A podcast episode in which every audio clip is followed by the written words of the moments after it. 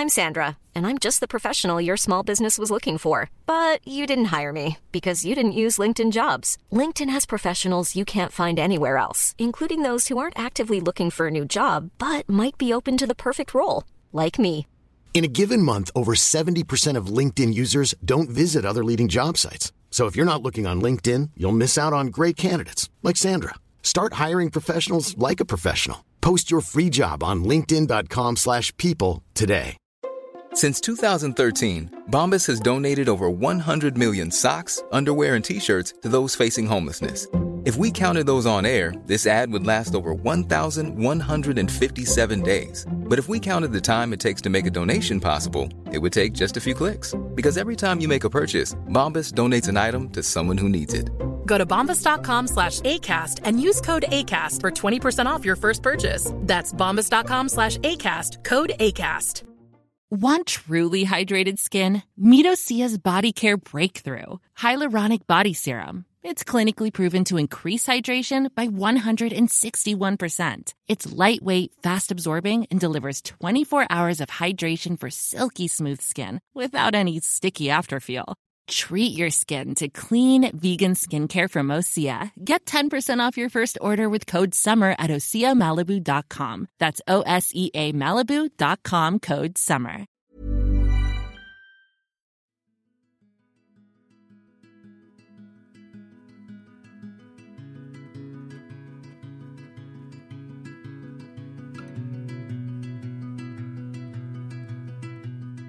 Hej och varmt välkomna till podden Sorgsnack.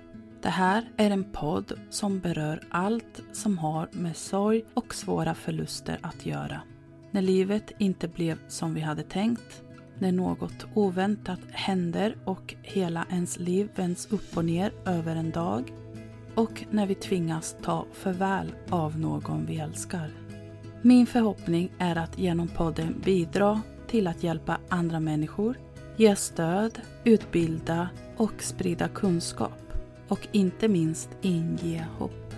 Jag som gör podden heter Lia Persson, är journalist i grunden och även certifierad handledare i sorgbearbetning. Idén till podden föddes ett år efter att jag förlorade mitt första barn. Det här var början på mitt nya liv. Livet som nybliven mamma och samtidigt änglamamma.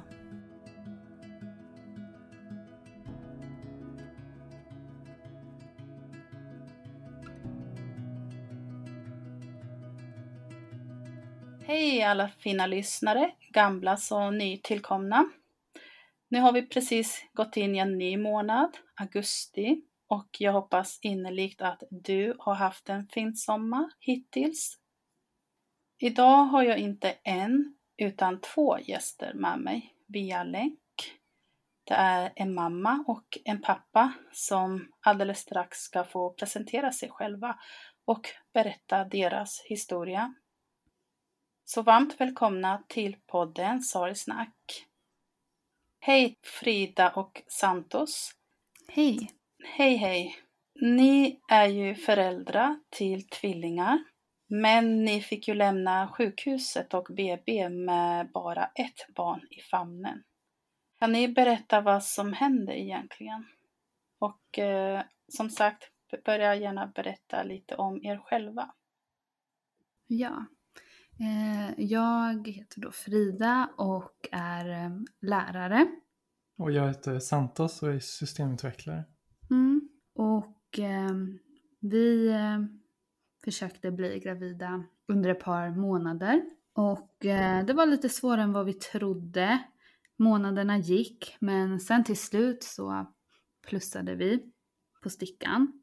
Och eh, jag mådde väldigt dåligt redan från början. Väldigt mycket illamående och eh, väldigt trött. Så Santos, du märkte ju att det var någonting från början. Ja, precis. Jag märkte verkligen skillnad på det. Mm, precis. Och eh, ett par månader gick ju och sen är det dags för första ultraljudsundersökningen. Och då visade det sig att vi var gravida med tvillingar. Och jag blev ju otroligt glad för det. Eh, jag hade lite hoppats på det i smyg, att det var, skulle vara tvillingar.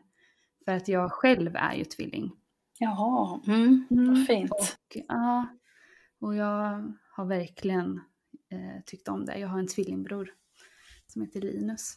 Och jag, jag svimmade nästan när jag fick det beskedet. Jag fick på, på riktigt sånt eh, blodtrycksfall att de fick leda mig till ett annat rum där jag fick lägga mig ner. Lite som på film kanske. Ja, precis. Det var väl inte bara på grund av beskedet. Jag har lite liksom Mm. sjukhusfobi så sen tidigare. Men det var, det var ett stort besked. Ja, Ja, det och- förstår jag. Och vi var ju tvungna att avbryta där lite. Vi hann inte göra klart hela undersökningen då, utan vi fick komma tillbaka vid ett senare tillfälle och göra om det. Så de skulle hinna undersöka då båda barnen och så.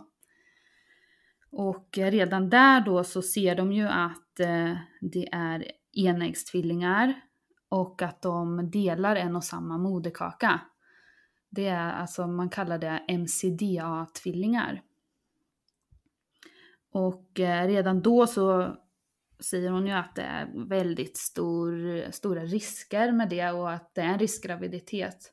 Så att vi behöver gå på extra kontroller. Och då eh, gör mig, man börjar ju googla direkt på liksom, försöka förstå vad är det här, vad är det för risker?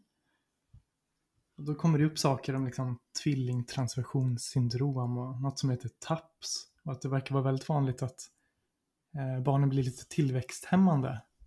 Att det kan hända att någon, den ena växer lite mer än den andra. Och att inte de får samma mängd blod. Och um, ja, men det var ju svårt också att liksom hitta andra historier, vad, hur det hade gått, andra sådana här graviditeter. Men det var ju det enda man ville liksom läsa om Eh, just då. Och, men vi var ju också, alltså vi var, trots att vi började bli liksom oroliga redan då och ja, inte visste vad vi hade framöver så var vi också så otroligt glada. Så det kändes lite som att så här, ja, men det är klart att just vi skulle få tvillingar. Eh, Det kändes så självklart. Och man började ju redan då liksom planera och liksom fantisera om hur, liksom, Drömma, ja ja, hur livet skulle bli. Och det som hände då var ju att vi fick komma varannan vecka då på ultraljusundersökningar. Vi fick då åka till eh, Linköpings universitetssjukhus och göra dem på fostermedicin. Eh, då vi, ja de, fick, de mätte liksom tvillingarna varannan vecka.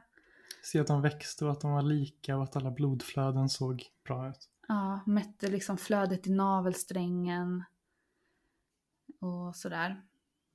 Och ehm, vi var ju väldigt nervösa varenda gång vi skulle dit. För det kändes så, så märkligt.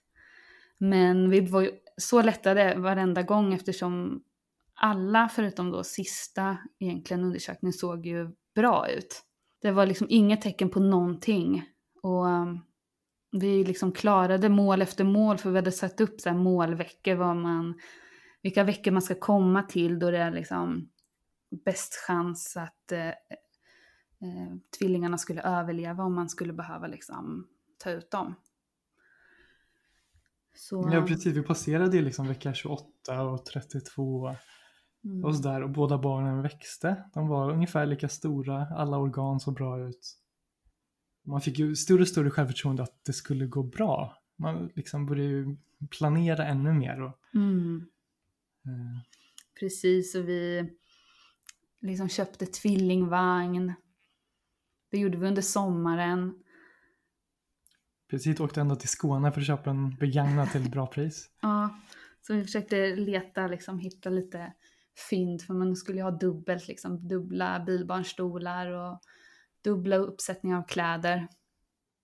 Så vi förberedde oss rejält för också det är ju en stor risk att tvillingar kommer tidigt. Ja, men precis. Det har man ju hört att det är Ja, ganska och det var vanligt. nästan som att det skulle vara så här självklart, eller att de tog det som självklart att du kommer inte gå liksom fullt ut. Nej, precis. De här väldigt erfarna läkarna vi pratade med sa ju att Mm. liksom, i deras karriär, bara, ja, det var någon enstaka där som hade gått fullt ut. Annars är det så otroligt vanligt att liksom, runt vecka 32 eller så. Ja, och fullt gången då som tvillingförälder här i Linköping det är att de tar ut barnet 37 plus 0. Mm. Ja, precis. Har det inte kommit igång eh, på en naturlig väg så planerar man igångsättning då. Precis så var det. Och det var ju otroligt tungt. Att, eh, alltså jag bara växte ju och växte ju. Min mage var ju enorm. Och eh, det, alltså jag hade så ont i kroppen i slutet för att, ja, två barn liksom i magen. Eh, så jag längtade verkligen så verkligen fram emot förlossningen. Och att det skulle bli sådär liksom häftigt som man hör andra prata om, om sin förlossning. Att man får liksom känna det här att det sätts igång av sig själv och kroppen ska jobba. Och, så där, ja, jag såg fram emot det och var med om det. Mm. Ja, men veckorna gick och du blev större och större. Och det blev ju ingen tidig förlossning. Och det kändes som vi hade haft tur som hade kommit så långt utan komplikationer. Liksom. För att det, ja, vi fick höra att det är så vanligt och det är så stora risker med den här MCD och tvillinggraviditeten. Under alla de här undersökningarna som ni fick göra då, mm. fick ni veta att allting såg bra ut? Alltså såg det ja. bra ut hela tiden? När ni ja, var... det såg bra ut hela tiden. Så de verkligen liksom berömde att allt såg bra ut och liksom inga tecken på någonting. Men samtidigt så eh, informerar de ju om att alltså tecken och alltså det kan ju hända saker hela tiden. Eh, och vissa av de här komplikationerna kan ju gå ganska snabbt. Så att eh, alltså de informerade hela tiden om att vilka risker som ändå liksom fanns. Eh, för att man ja, skulle vara förberedd men man kan ju inte liksom förbereda sig heller på vad som kommer komma. Den enda avvikelsen var ju på det sista planerade ultraljudet. Och då mm. var vecka 35 eh, plus 5. Mm. Så två veckor innan vi skulle bli igångsatta så var vi på ultraljud. Och, då så, såg de en liten tendens eh, till det här tappsproblemet. För att blodflödena i navelsträngen inte var, inte var jämna. Mellan det, barnen. Mm. Precis, så det ena barnet fick mer än det andra. Ja, men de sa att det är så himla liten skillnad. Så det skulle liksom kunna vara då början till det här TAPS. Eh, men det var, ja, de sa att det var inte TAPS, men liksom det skulle kunna bli det. Men, och då blev vi inkallade till ett extra ultraljudsundersökning. Veckan efter redan då? Precis. Men då sa de ju liksom undersökte närmare och mätte. Och då ja. var de till och med två läkare som gjorde det. För att vara liksom extra säkra. Ja, och då sa de att nej, det är ingen sån här taps då. Båda barnen mådde bra och liksom hjärtorna såg, såg bra ut. Och... Ja, och rörde sig väldigt mycket och de såg, ja, alla mätningar såg bra ut. Men det är också samtidigt väldigt svårt att göra bra korrekta mätningar på på liksom två rörliga tvillingar i magen. Det är ju svårt att lyssna till exempel på så här, hjärtljud och navelsträngsflödet för ibland ligger de ju så nära varandra tvillingar. Så det är svårt att få in det här unika liksom, ljudet från de båda. Men vi fick i alla fall eh, gå hem efter den där extra undersökningen. Ja. För då var ju igångsättningen på förlossningen redan planerad åtta dagar senare. Mm. Eh, så vi gick hem och inväntade den. Mm, precis. Mm. Och eh, vad hände sen när du började närma dig BF? Ja, eh, inget hände då på de här åtta dagarna direkt. Eh, jag kunde kanske känna lite så här molande verk men det var ingenting som startade igång av sig själv. Utan eh, vi fick på planerad dag komma in till förlossningen för igångsättning. Så vi fick komma in redan klockan halv åtta på morgonen var vi där.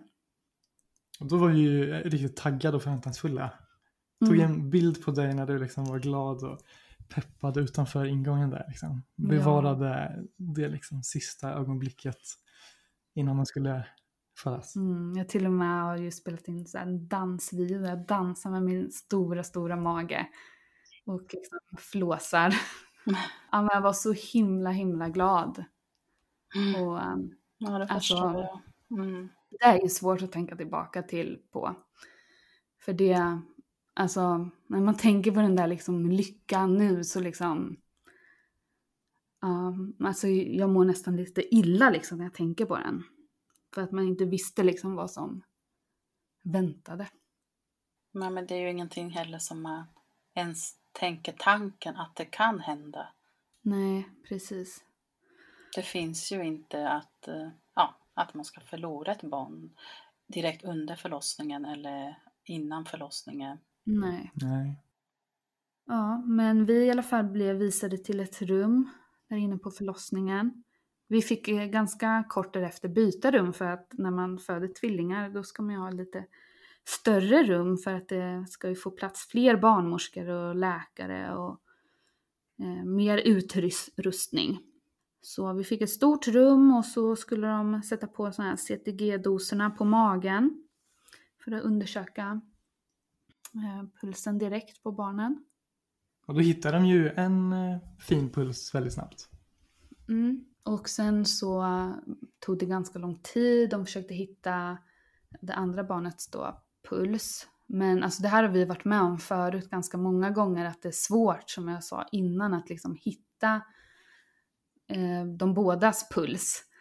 För de ligger ju så nära varandra. Och sen tidigare kunde de ju ha en väldigt lika puls liksom. Det var svårt att med sådana CTG-doser se Mm. att det är två unika. Precis, men det, så det tog tid. Eh, och det var ju då först en undersköterska som försökte kolla det där och sen var det barnmorska och så en läkare. Sen kallades en till läkare in för de liksom hittade inte. Rullade in en ultraljudsmaskin och försökte få igång den. Mm, men eh, de kunde inte riktigt eh, hantera liksom den där ultraljudsmaskinen för de, ja, de verkar inte... De verkade ovana med det. Väldigt ovana vid den där ultraljuds... Eh. Och vi var ju väldigt vana att gå på ultraljud och jag var säker på hur barnen låg. Så det kändes liksom så här, men där ligger inte, där ligger han inte liksom. Eh, när de försökte hitta honom liksom. Men då till slut så kallade de in då en specialist och henne hade vi träffat då tidigare på ett av ultraljuden. På fostermedicinavdelningen? Ja. Och hon hittade ju direkt, precis som jag visste liksom hur han låg. Och eh, så det går väldigt fort där när hon kommer in. Eh, och...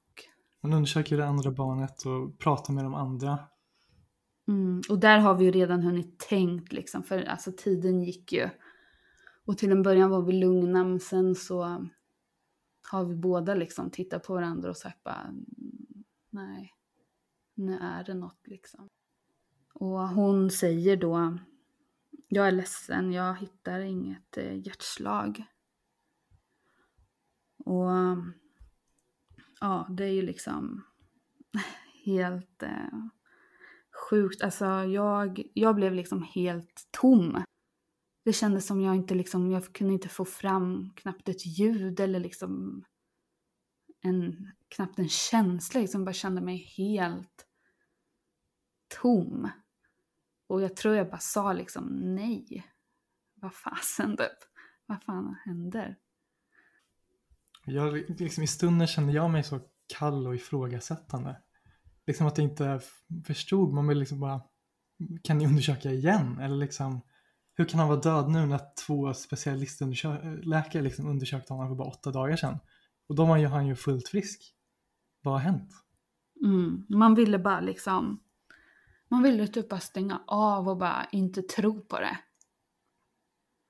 Det var otroligt liksom overkligt och det kändes som liksom, ja men när man har liksom sett på film innan hur det är liksom, på film när man får dödsbesked tänker man att liksom, man bara skriker tills liksom man inte får någon luft men liksom för mig kändes det helt tvärtom liksom jag, ja, kände mig helt avstängd liksom.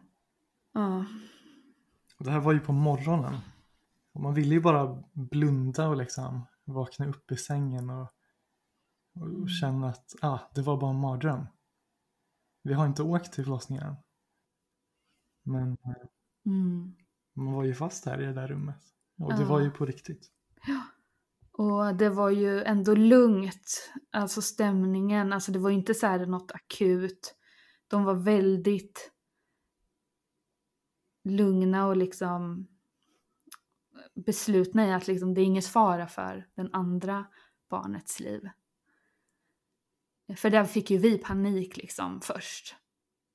Och bara men vi har ju en som lever där inne och en är död liksom. Bara skynda! Ta ut en som lever nu, när vi fortfarande har chansen. Mm. Men där var de helt sådär, det är inte fara för honoms liv. För hans liv, utan... Mm. Så vi fick liksom tid där, ett par timmar för oss själva. Då vi kunde ringa till våra nära och kära och skriva också vad som har hänt. Och det var ju typ, alltså det var det värsta liksom också jag har varit med om, att behöva liksom ringa ringa till, till mamma och min, min egen också tvillingbror. Alla liksom hade ju också sett fram emot det här och liksom ja, det var så många som var liksom med oss. Mm. Och att säga det högt, liksom vad som har hänt, var ja, otroligt svårt. Och jag, jag kunde inte ringa till alla. Jag kunde inte ringa till min pappa till exempel och säga det. Eh, men eh, familjen liksom, de ringde runt till varandra så jag behövde inte liksom ringa till alla. Och jag skrev också ut ganska fort. Jag vet, alltså är, man har inte koll riktigt på tiden men jag skrev ut på ett Instagram-inlägg också. För jag kände direkt att jag vill att folk ska veta vad som har hänt direkt. Jag eh, vill inte vänta med det. Det var liksom något starkt som jag kände att jag bara, folk, eh, får, behöver veta och eftersom jag hade ja, peppat innan där liksom att nu är det dags, nu åker vi till förlossningen. Alltså, ja. Ja, ja men det förstår jag. Mm. Ja, vi hade inte bestämt eh, namnen helt innan. Nej. Men då eh, frågade de ju. Och då bestämde vi att Nico var han som överlevde. Mm. Och Frans, mm. eh, han som dog. Mm. Så då bestämmer vi deras namn. Två väldigt fina namn, verkligen. Mm. Har ni någon, eh, var kommer namnen ifrån? Finns det någon koppling till familjen eller så? Ja, det är ju egentligen, så från början tror jag att det är jag som har valt Frans. Att jag tycker väldigt mycket om det mm. namnet. Eh, och jag vet inte riktigt liksom hur det har kommit till mig, för det är inget ingen från släkten som heter det men det är bara ett namn som jag har haft med mig och liksom tyckt väldigt mycket om. Mm. Och jag gillade namnet Niko. Det är lite som mitt eget namn Santos, lite så sydeuropeiskt klingande. Ja men verkligen, ja. Mm. Och sen så Niko kommer också från en Formel 1-förare, Niko mm. Rosberg.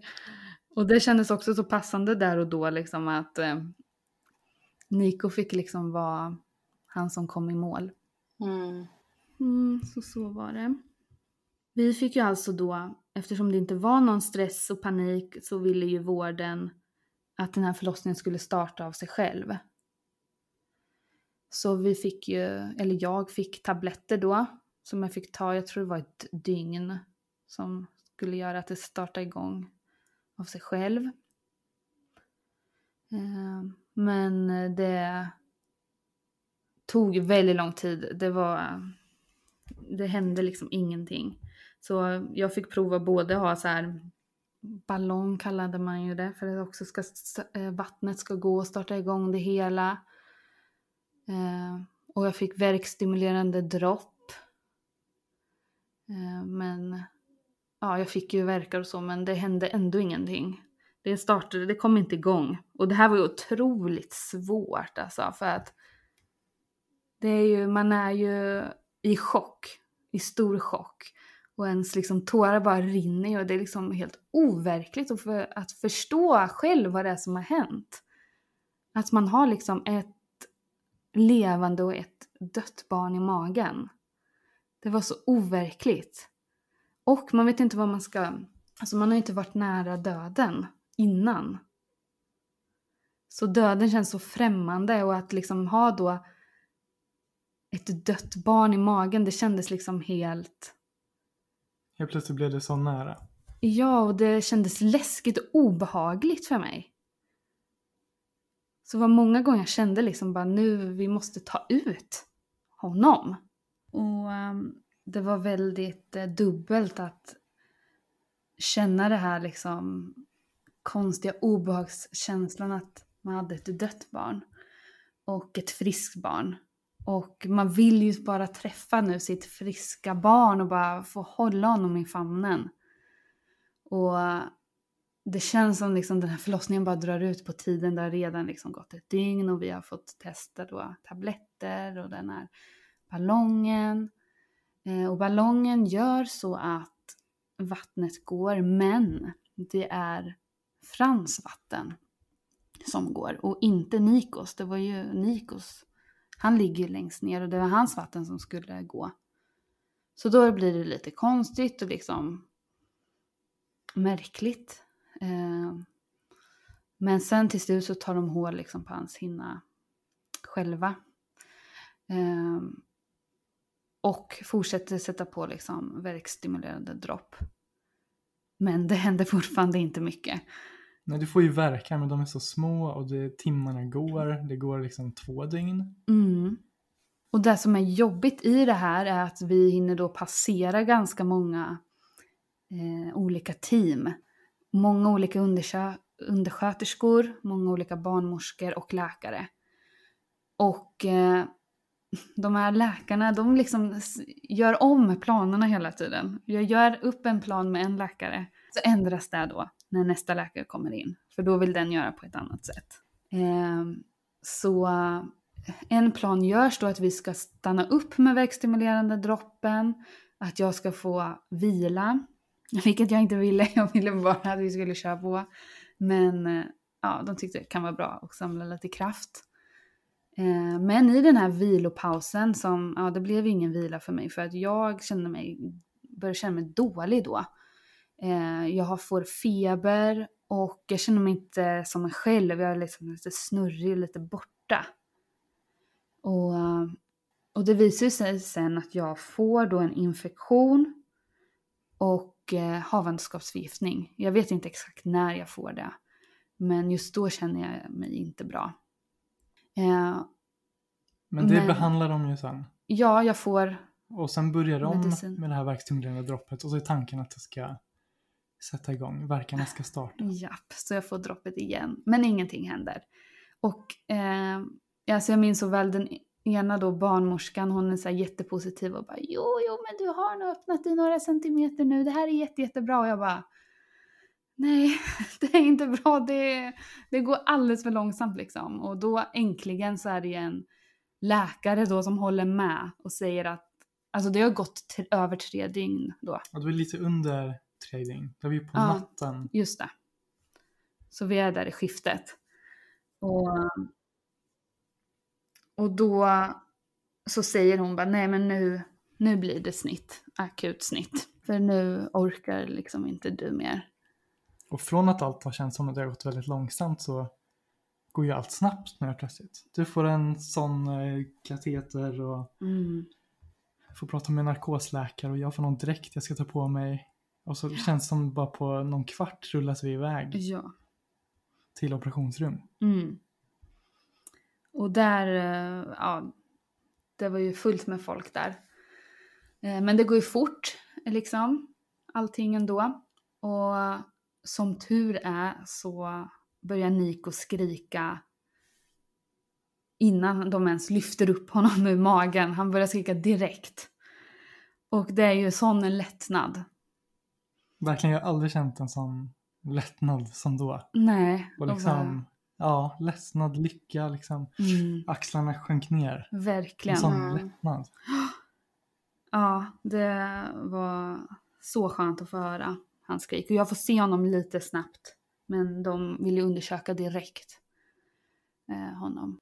Eh, och innan, det här är lite, vi båda, vi kommer inte ihåg riktigt om vi har fått träffa en kurator innan förlossningen startar. Men jag tror det. Eh, och att vi, vi har bestämt innan att eh, vi inte ville eh, träffa Frans direkt. Utan vi vill först se och träffa Niko. Den som lever alltså. Och eh, alltså det här är ju någonting som jag idag ångrar jätte, jätte, jättemycket. Men eh, då, där och då visste vi ju inte alls hur någonting skulle kännas eller vara. Alltså, jag tror vi båda kände oss väldigt förvirrade i vilka beslut vi skulle ta. Ja, det var, alltså man var vilsen och det var så främmande och så läskigt. Mm. Och där, om jag skulle gjort något annorlunda så skulle jag ju idag ha liksom fått honom direkt upp liksom på bröstet, Frans. Direkt när han kom från magen och var liksom varm. Då skulle jag ju velat se hur han såg ut och bara känna och hålla om honom. Men vi väljer ju att vänta ett tag. Så du, Santos, får ju ta hand om Nico direkt. För jag eh, får ju vara på uppvak, postoperation och... Eh, Du tappade ju väldigt mycket blod. Ja, och jag hade ju den här infektionen så jag fick ju... Du fick vara kvar där liksom. Det här var ju på natten så du var kvar hela natten och morgonen. Mm. Och ni kommer ju en liten sväng och visar upp Nico när jag ligger där. Men annars var det otroligt ensamt att ligga där på uppvaket. För jag var också, det var ju helt mörkt och så var jag ensam. Alltså förutom de läkarna som är där och övervakar så var det inte någon annan där. Eh, Och det var ju nedsläckt för att det var natt. ja, och jag visste ju inte alltså, hur länge jag skulle ligga där och varför jag låg där. Alltså, jag, det, det, tyck, alltså, jag kändes, det kändes för mig som om det var en evighet. Men ja, så du har ju hand om Nico på vårt rum så länge. Ja, det var också en bisarr känsla att liksom vara ensam med ett litet nyfött barn i det där förlossningsrummet. Som de nu hade tömt på den där sängen och, och grejerna. Det kändes otroligt ensamt att bara sitta där och hoppas att du mådde bra. Mm. Så du visste inte riktigt hur Frida mådde just då, där och då? Nej, precis. De sa att hon kommer vara kvar där ett tag. På den här eh, postoperation avdelningen. I'm Sandra, and I'm just the professional your small business was looking for. But you didn't hire me because you didn't use LinkedIn jobs. LinkedIn has professionals you can't find anywhere else, including those who aren't actively looking for a new job but might be open to the perfect role, like me. In a given month, over 70% of LinkedIn users don't visit other leading job sites. So if you're not looking on LinkedIn, you'll miss out on great candidates like Sandra. Start hiring professionals like a professional. Post your free job on linkedin.com/people today. Since 2013, Bombas has donated over 100 million socks, underwear, and t shirts to those facing homelessness. If we counted those on air, this ad would last over 1,157 days. But if we counted the time it takes to make a donation possible, it would take just a few clicks. Because every time you make a purchase, Bombas donates an item to someone who needs it. Go to bombas.com slash ACAST and use code ACAST for 20% off your first purchase. That's bombas.com slash ACAST, code ACAST. Men sen får jag ju komma efter nio timmar ungefär. Mm, då är det ju morgon. Mm. Och då får du komma in. Ja, och då får ju jag liksom hålla Nico för första gången och få honom upp på bröstet. Eh, och då får vi ju den här födelsebrickan, eller vad kallar man det? Med smörgåsar, någon cider och någon Flagga. flagga. Mm. Och det känns också så, så konstigt. Att liksom, nu skulle vi liksom vara lyckliga och fira och glada men liksom det var så dubbelt liksom. Man var ju så otroligt fascinerad av lilla Ni- Nico. Och ha honom liksom nära sig på sitt bröst. Men också, det kändes ju så fel. Ja men precis, det, det var inte alls så enkelt att vi var glada och lyckliga föräldrar där. Det, Nej. Det var, det var ju mer än så. Ja. Ja, men det förstår jag. Blandade känslor såklart. Mm. Mm. Verkligen. Men fick ni där och då stöd från någon av vårdpersonal? Kom det någon som kunde prata med er, någon kurator eller terapeut eller psykolog? Eller en präst kanske också, för ibland får de in en präst ganska Ja. snabbt. Mm. Nej, präst träffar vi inte. Nej, men det var, vi hade ju kontakt med en, men det var ju lite svårt att få det. Ja. Vi fick be några gånger och sen var det liksom, nej men hon jobbar inte på torsdagar och nu är Ja. klockan så här mycket. Och så här, men, det, Ja. men det tog ju lite tid och vi fick be om det, men sen till slut Ja, fick vi träffa kuratorn. Ja, Och det är samma kurator som vi går till fortfarande, Ja. idag, nio månader senare. Så det, det är Mm. verkligen, alltså det har varit givande och jätte, jättebra. ja, att hon har varit med från start liksom. Så värdefullt. Ja, kan Ja, tänka mig det. Mm. verkligen. Och alltså det allra, allra flesta eh, som vi mötte, undersköterskor och barnmorskor och läkare var liksom helt fantastiska. Eh, och försökte liksom stötta och sådär. Eh, Så ni kände att ni fick i alla fall bra stöd därifrån? Jo, direkt. men det gör vi. Men samtidigt så känns det som... Alltså det är så svårt att veta vad man själv behöver. Ja men precis, för Mm. man fick ju frågor så här. Vill ni träffa Frans? Vad ska han ha på sig? Ska Ja. ni gå till något så här separat stilla rum där han ligger? Kan ni gå dit eller ska ni ha honom på rummet? Hur länge ska han vara på rummet? Ja, Vill ni hålla honom? ja, det var Och- så många frågor och vi kände liksom, vi visste inte liksom varken ut eller in. Ja, men lite Och- som du är inne på, man vet inte heller vad, vad har jag som, även om jag vet att jag är förälder till det här Mm. barnet, men vad Mm. har jag liksom för rättigheter egentligen? Vad kan jag förvänta mig eller begära? Exakt. Ja, nej, och liksom, hur Mm. brukar det gå till? Vi vet inte. Alltså, och eftersom man inte då, ja, men man visste inte ens hur han skulle se ut. Eller liksom hur han skulle vara. Alltså det var så mycket frågor och vi var lite rädda tror Ja jag. precis, det var läskigt. Ja. Ja, men det förstår jag. Mm. Mm. Och vi får ju lämna då vårt förlossningsrum och vi får ju då inte komma till BB utan komma till eh, eh BB Gravida tror jag det heter.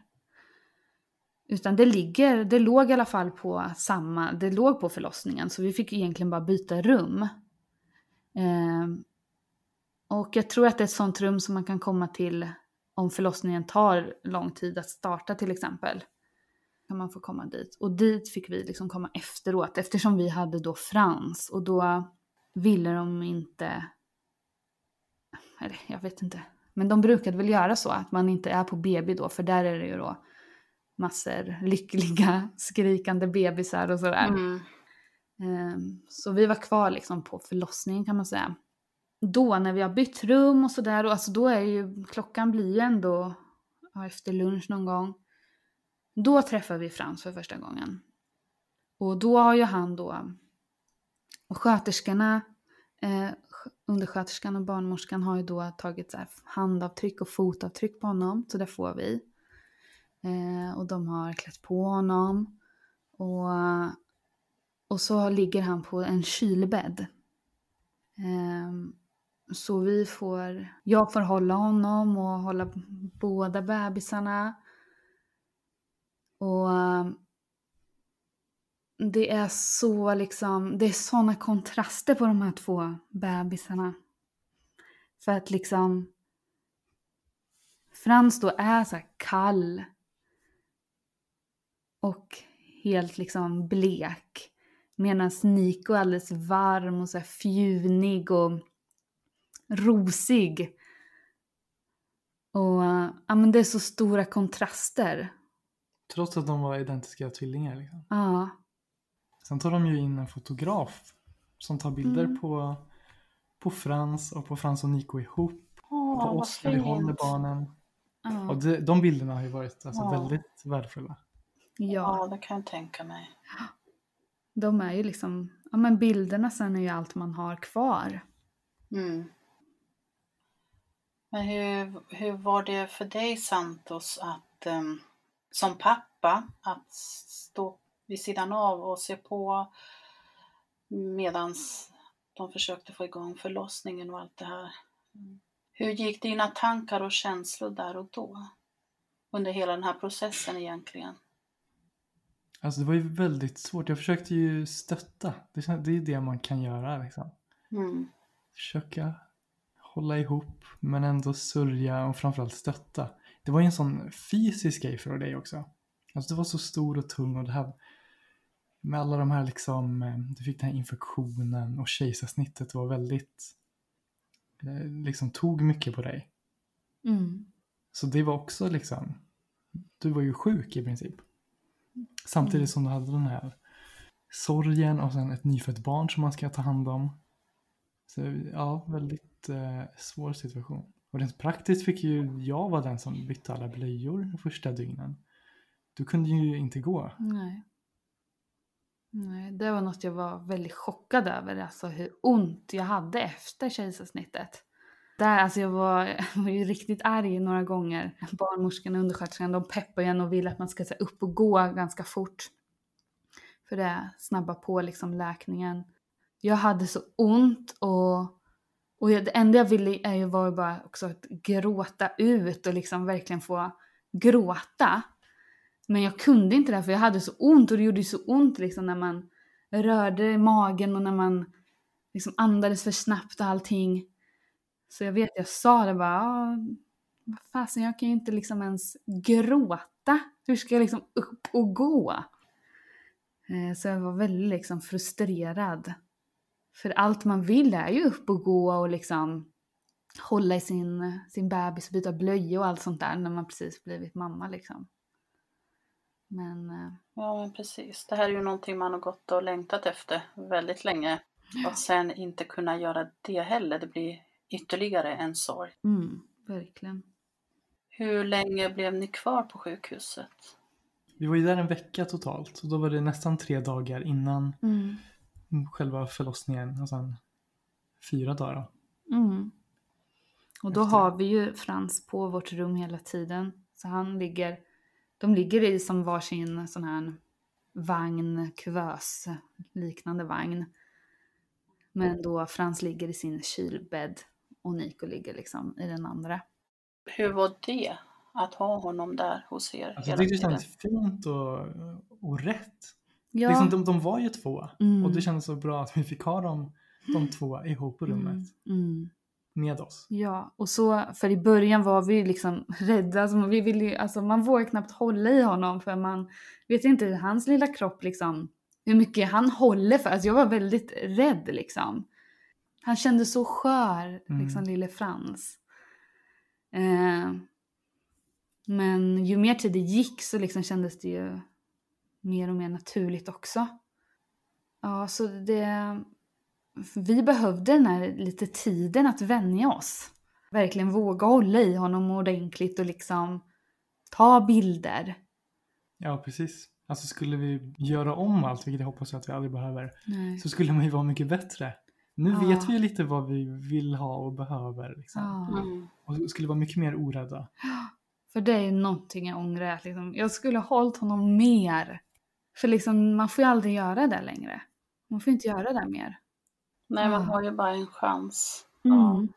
Och där skulle jag önskat att, för vi hade en, en barnmorska som var jättebra eh, på att liksom prata om de här delarna med oss och att vi liksom måste hålla i honom och sånt där.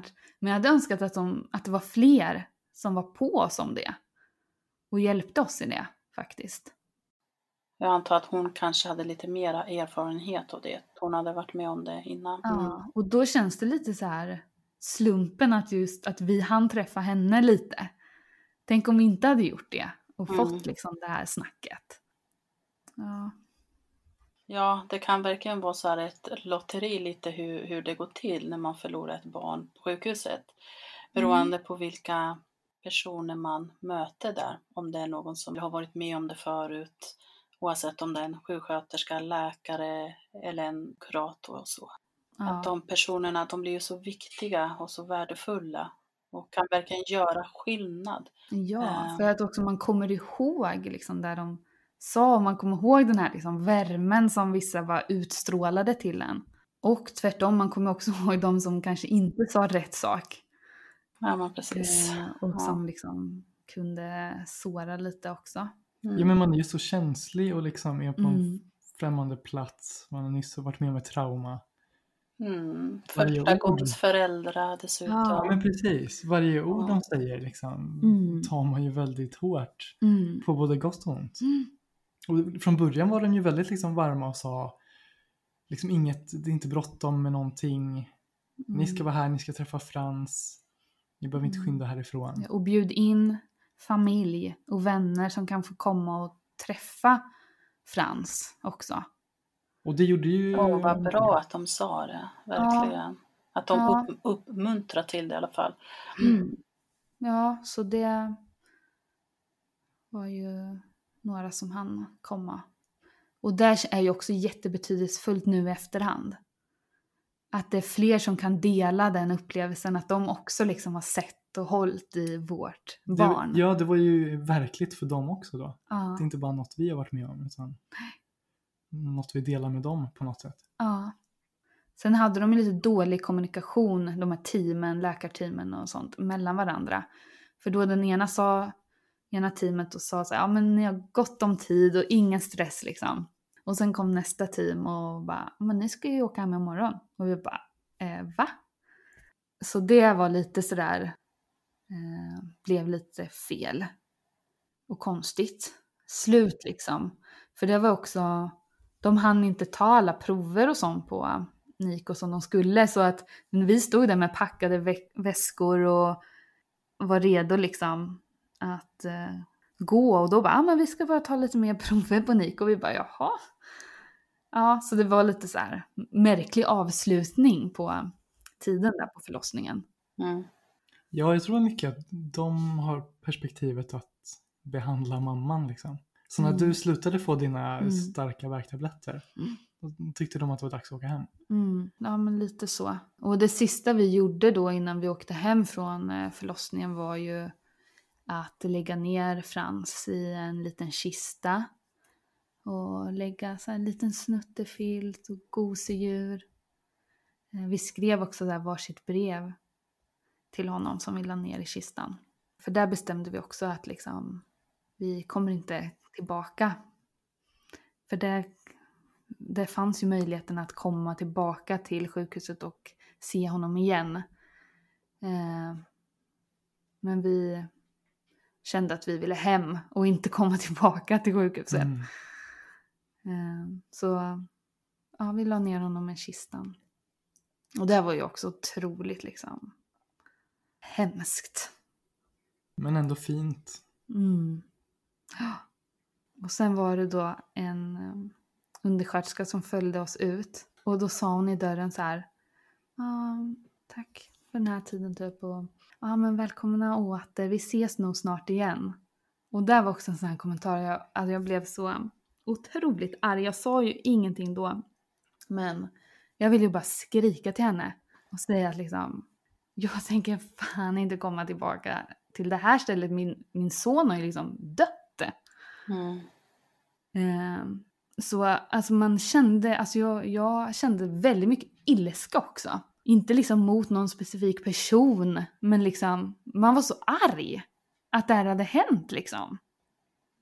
Ja, men det förstår jag. Och det är väldigt vanligt det här ilska med ilska, att man känner det. Mm.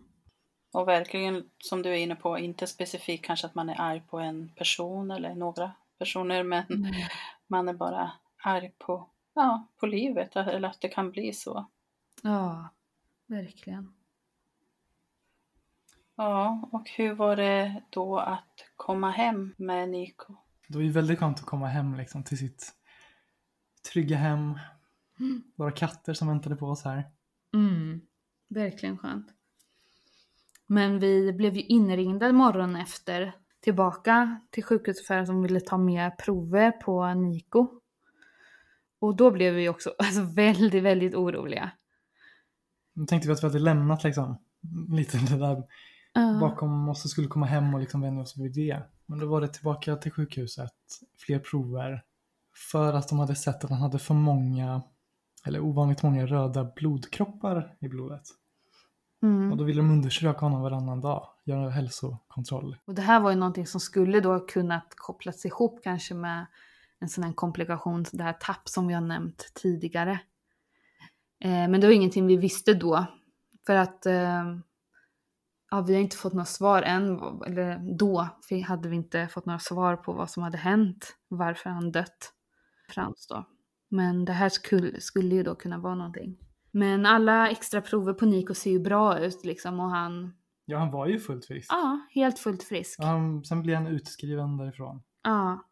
Vi får försöka vara i den här bebisbubblan så gott det går.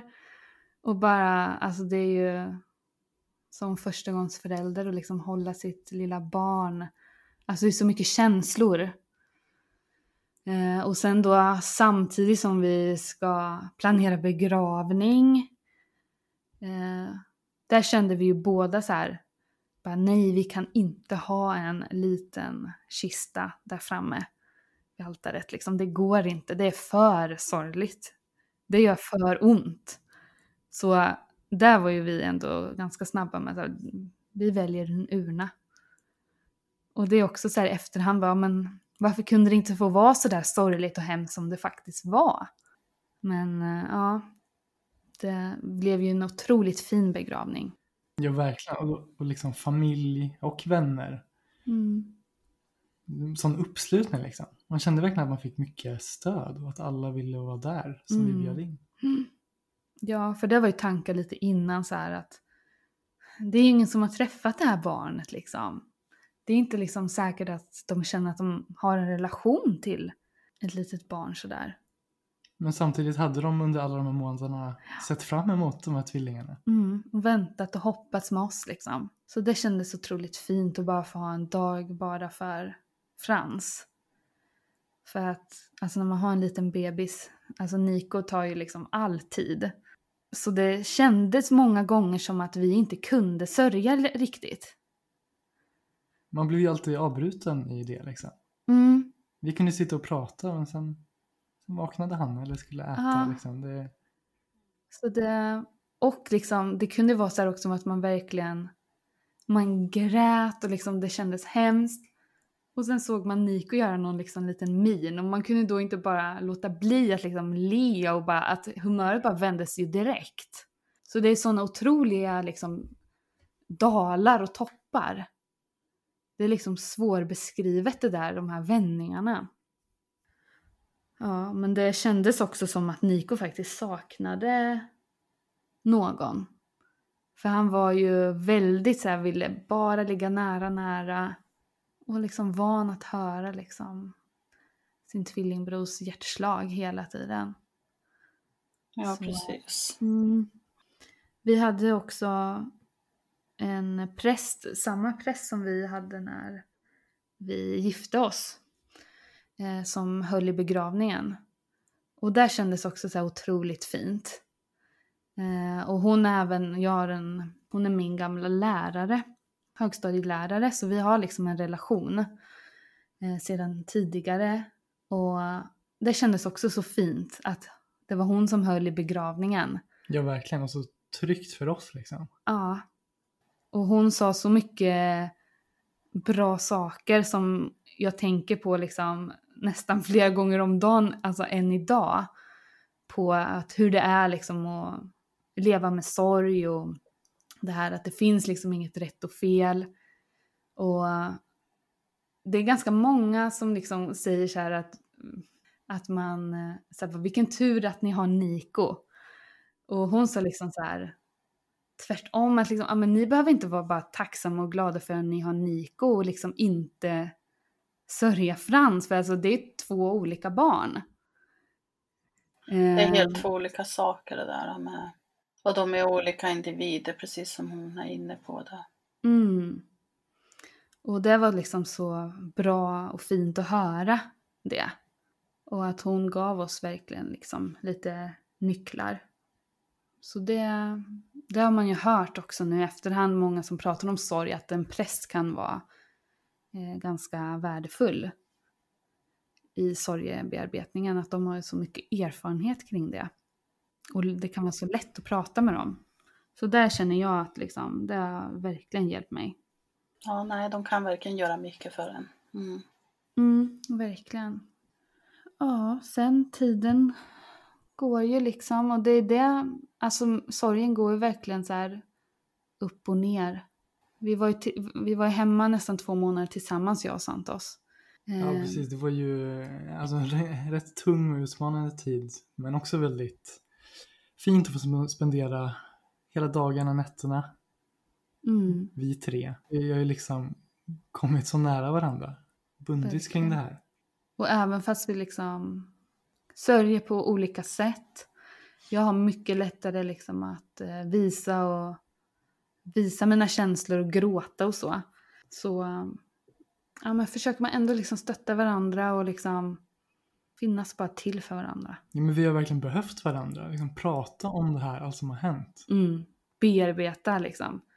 Och jag vet inte hur många gånger i huvudet liksom den här förlossningen spelas upp för en. Men sen började du jobba och jag var hemma. Ja, precis. Jag tyckte det var väldigt tufft att gå tillbaka till jobbet. Det var liksom två tunga månader hemma och allt man har varit med om. Och sen bara pang, måndag morgon in på kontoret. Och där är allt exakt som det var när jag lämnade jobbet. Liksom jobba med samma saker, arbetsuppgifter, samma kollegor. Mm. Och min värld hade ju liksom vänts upp och ner. Jag kände att allt i livet var nytt och jag hade nya perspektiv och liksom... Så det var tufft att komma tillbaka. Och jag har ingen liksom jättenära relation till kollegorna där heller. Så då kände inte att jag kunde liksom dela sorgen och prata ut med någon så. Och hade jag gjort om det igen, då hade jag försökt liksom börja på något annat sätt. Kanske jobbat deltid eller bara några dagar i veckan. För det är, det är svårt. Det, det är något med att vara liksom hemma och sörja och vara upptagen med vardagssysslor på det sättet. Och sen gå tillbaka till jobbet där liksom allt eh, kör på som vanligt i 120. Men var det många som frågade på jobbet vad som hade hänt och så? Eller visste de redan om det sen tidigare? Ja, de, alltså jag hade ju skrivit till dem och så. Men det, ja som sagt, det krävs ju en, att man har en rätt så nära relation för att prata om barn som gått bort. Och apropå det, hur- var stödet från era nära och kära? Hur tog de det och hur kunde de finnas där för er? Ja, vi har fått bra stöd. Vi har ju många runt omkring oss. Eh, men också det är ju, alltså det är så svårt liksom. För att alltså när vi har, vi har ju lilla Niko då som jättemånga vill komma och träffa.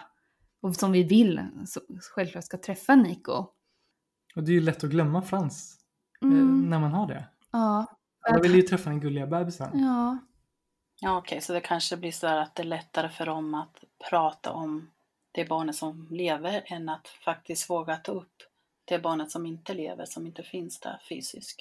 Ja, men lite så. Sen finns det de i vår närhet som vågar fråga och så. Men det, det är fortfarande många som är lite rädda. Ja precis, sen var det ju alltså, mycket lättare kring begravningen. Då fick man ju Mm. mycket fler frågor, liksom, folk undrade hur det Ja. var. Och erbjöd sig att hjälpa med saker och ting. Ja, sen är det inte så många som vågar fråga tror jag, eller vågar ta upp det.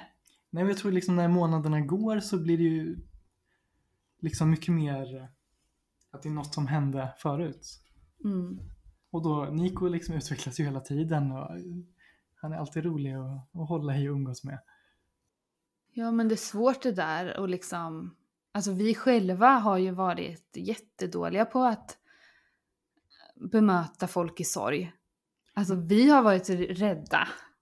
Jo men precis, allt det man, om man liksom själv känner sig missnöjd med hur folk pratar kring den här sorgen med Ja. oss, så jag ser ju alla liksom sådana misstag, eller vad man ska kalla det, i hur jag själv, hur man själv liksom inte vill ställa de där svåra frågorna till andra. Mm. Kring liksom någon mamma som har gått bort eller, Mm. eller så. Ja. Eller att man vill tänka så positivt, att allt ska vändas till liksom, jaha, du blev varslad på jobbet, ja men då får du en lång och härlig sommarledighet. Ja, Det är- ja precis. Ja.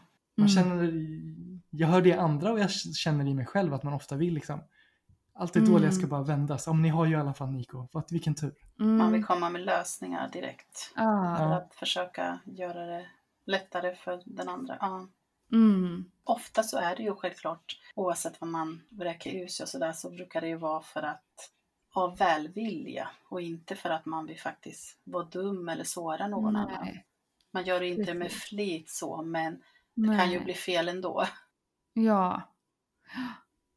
Och liksom man får ju många som ställer frågor så här, hur, hur mår du? Eller hur mår ni nu? Och den är ju alltid så svår att svara på för att det blir automatiskt att man säger jo jag mår bra.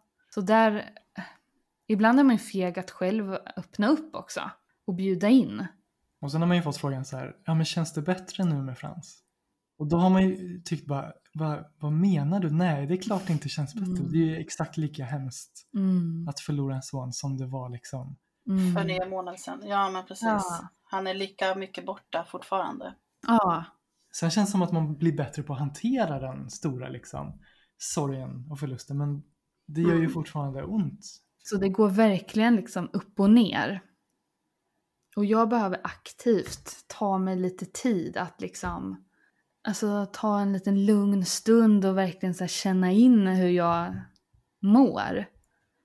För jag har väldigt lätt att liksom göra väldigt mycket. Och ja men, skärma bort den här sorgen lite. Så jag behöver aktivt ta tid få liksom sörja. Vad skulle du säga är svårast för dig idag? Alltså just att hantera efter allt det här som du och ni har varit med om. Ja, men alltså det känns ju som att någonting fattas hela tiden. När man liksom sätter in Niko i bilen, i bilbarnstolen, så tänker man, ja men här skulle ju den andra bilbarnstolen varit. Och när Niko står framför spegeln och pussar på sig själv tänker man, ja, där skulle varit liksom hans tvillingbror där. Man blir ju påmind genom Niko hela tiden att det- de skulle varit två. Och att Niko växer så himla mycket. Och liksom Frans tid har liksom stannat. Mm. Och än idag har liksom inte vant mig riktigt, alltså när vi åker till eh, kyrkogården. Det känns så här jättekonstigt att vi har ett barn som ligger begravd där. Alltså det är liksom känslor som bara kommer över en. Att det fattas någon. Ibland känns det som det inte är liksom vi som har gått igenom det här. Och plötsligt känns det så lätt att, att glömma. Liksom kommer jag aldrig glömma det. Nej. Men det känns som många i omgivningen liksom glömmer bort det och det blir något som hände Mm. för länge sedan. Mm. Och det är ju liksom, Det gör ju ont. precis, för vi vill ju aldrig glömma. Nej. Nej, och samtidigt tänker jag, alltså ni, nio månader är ju ingen tid så. Nej. Eh, om man ska hårdra det. Om, ni ska ju orka leva Mm. med det här resten av era liv. Mm. Medan för resten av alla andra runt omkring är ju såklart mycket lättare att tänka, ja men nu har det gått nio månader, nu Mm. borde det vara bättre eller så. Eller att de tror att "Ah, med åren så kommer det kännas bättre och man kommer glömma. Men glömma gör man ju inte, men eh, Nej. det är många som tror, eller snarare så att de önskar att det vore så. Precis. Men som sagt, nio månader är ju ingen tid alls egentligen. Så alltså det här är ju precis. Nej, och det känns som att vi Nyligen. fortfarande, vi fortfarande försöker liksom lära oss att liksom hitta rätt i hur vi ska liksom leva med det här. Har ni någonting som ni känner att ni vill ta upp som vi inte har varit inne på redan? Ja, men jag tror vår lärdom är väl någonstans liksom att en, en graviditet kan vara väldigt svår. En förlossning kan vara väldigt svår. Mm. Och för oss kan det ha varit bra att tänka tanken att ett barn kan dö. Vården uppmuntrar ju till att man ska omge sig av positiva förlossningsberättelser. Ehm, men det är ju lite som att ha liksom skygglappar på. Det gör ju inget liksom att förbereda sig på det värsta heller. I alla fall bara tänka tanken. För då kanske man till exempel då som jag inte vågade, att man vågar liksom hålla sitt barn sådär nära. Och så är det i efterhand idag. Jag har ju tänkt mycket mer på liksom att ens föräldrar kommer dö en dag. Jag har äldre syskon. Det, det har liksom känts som så främmande och läskiga tankar förut. Men idag känns det, det är liksom, det är naturligt. Och vad, Det är ju en del av livet. Mm. ja, precis. Så man behöver inte liksom gömma sig för de tankarna. Nej. Och hälsa på personer i sorg. Liksom våga åk dit. Åk dit med lite fika eller mat. Liksom känn inte att du tränger dig på för att de allra flesta mår ju bra av att dela med sig av vad de har varit med om. Och sen att våga nämna sorgen. Ja. Bara liksom, vi har ju stött på folk bekanta på stan. Och så har de sagt bara, ja, jag beklagar. Och Mm. bara då, två ord, har man känt sig liksom sedd och förstådd. Mm, exakt. Mm, det var vad vi hade. Många kloka, viktiga ord, budskap att skicka med. Vi ska absolut våga prata mer om sorgen och döden. Mm, absolut. Ja, jag får tacka så jättemycket för att både du, Frida och Santos, för att ni ville vara med och dela med er av verkligen det värsta, det värsta och också samtidigt det allra finaste man kan vara med om som föräldrar. Tack själv. Ja, tack för att vi får berätta. Självklart. Till er som har lyssnat, ännu en gång, tack så jättemycket och eh, har du där ute en historia som du vill dela med dig av, tveka inte att höra av dig till mig. Du kan nå mig via Instagram, Facebook eller skicka mejl till sorgsnackpodcast@gmail.com. Tack för att ni har lyssnat och återigen tack till dig Frida och Santos. Ja, tack själv. Ja. Och du gör ju ett toppenjobb. Ja, tack snälla du. Mm. Mm. Ta hand om er. Ja, Detsamma. Hej då. Hej då.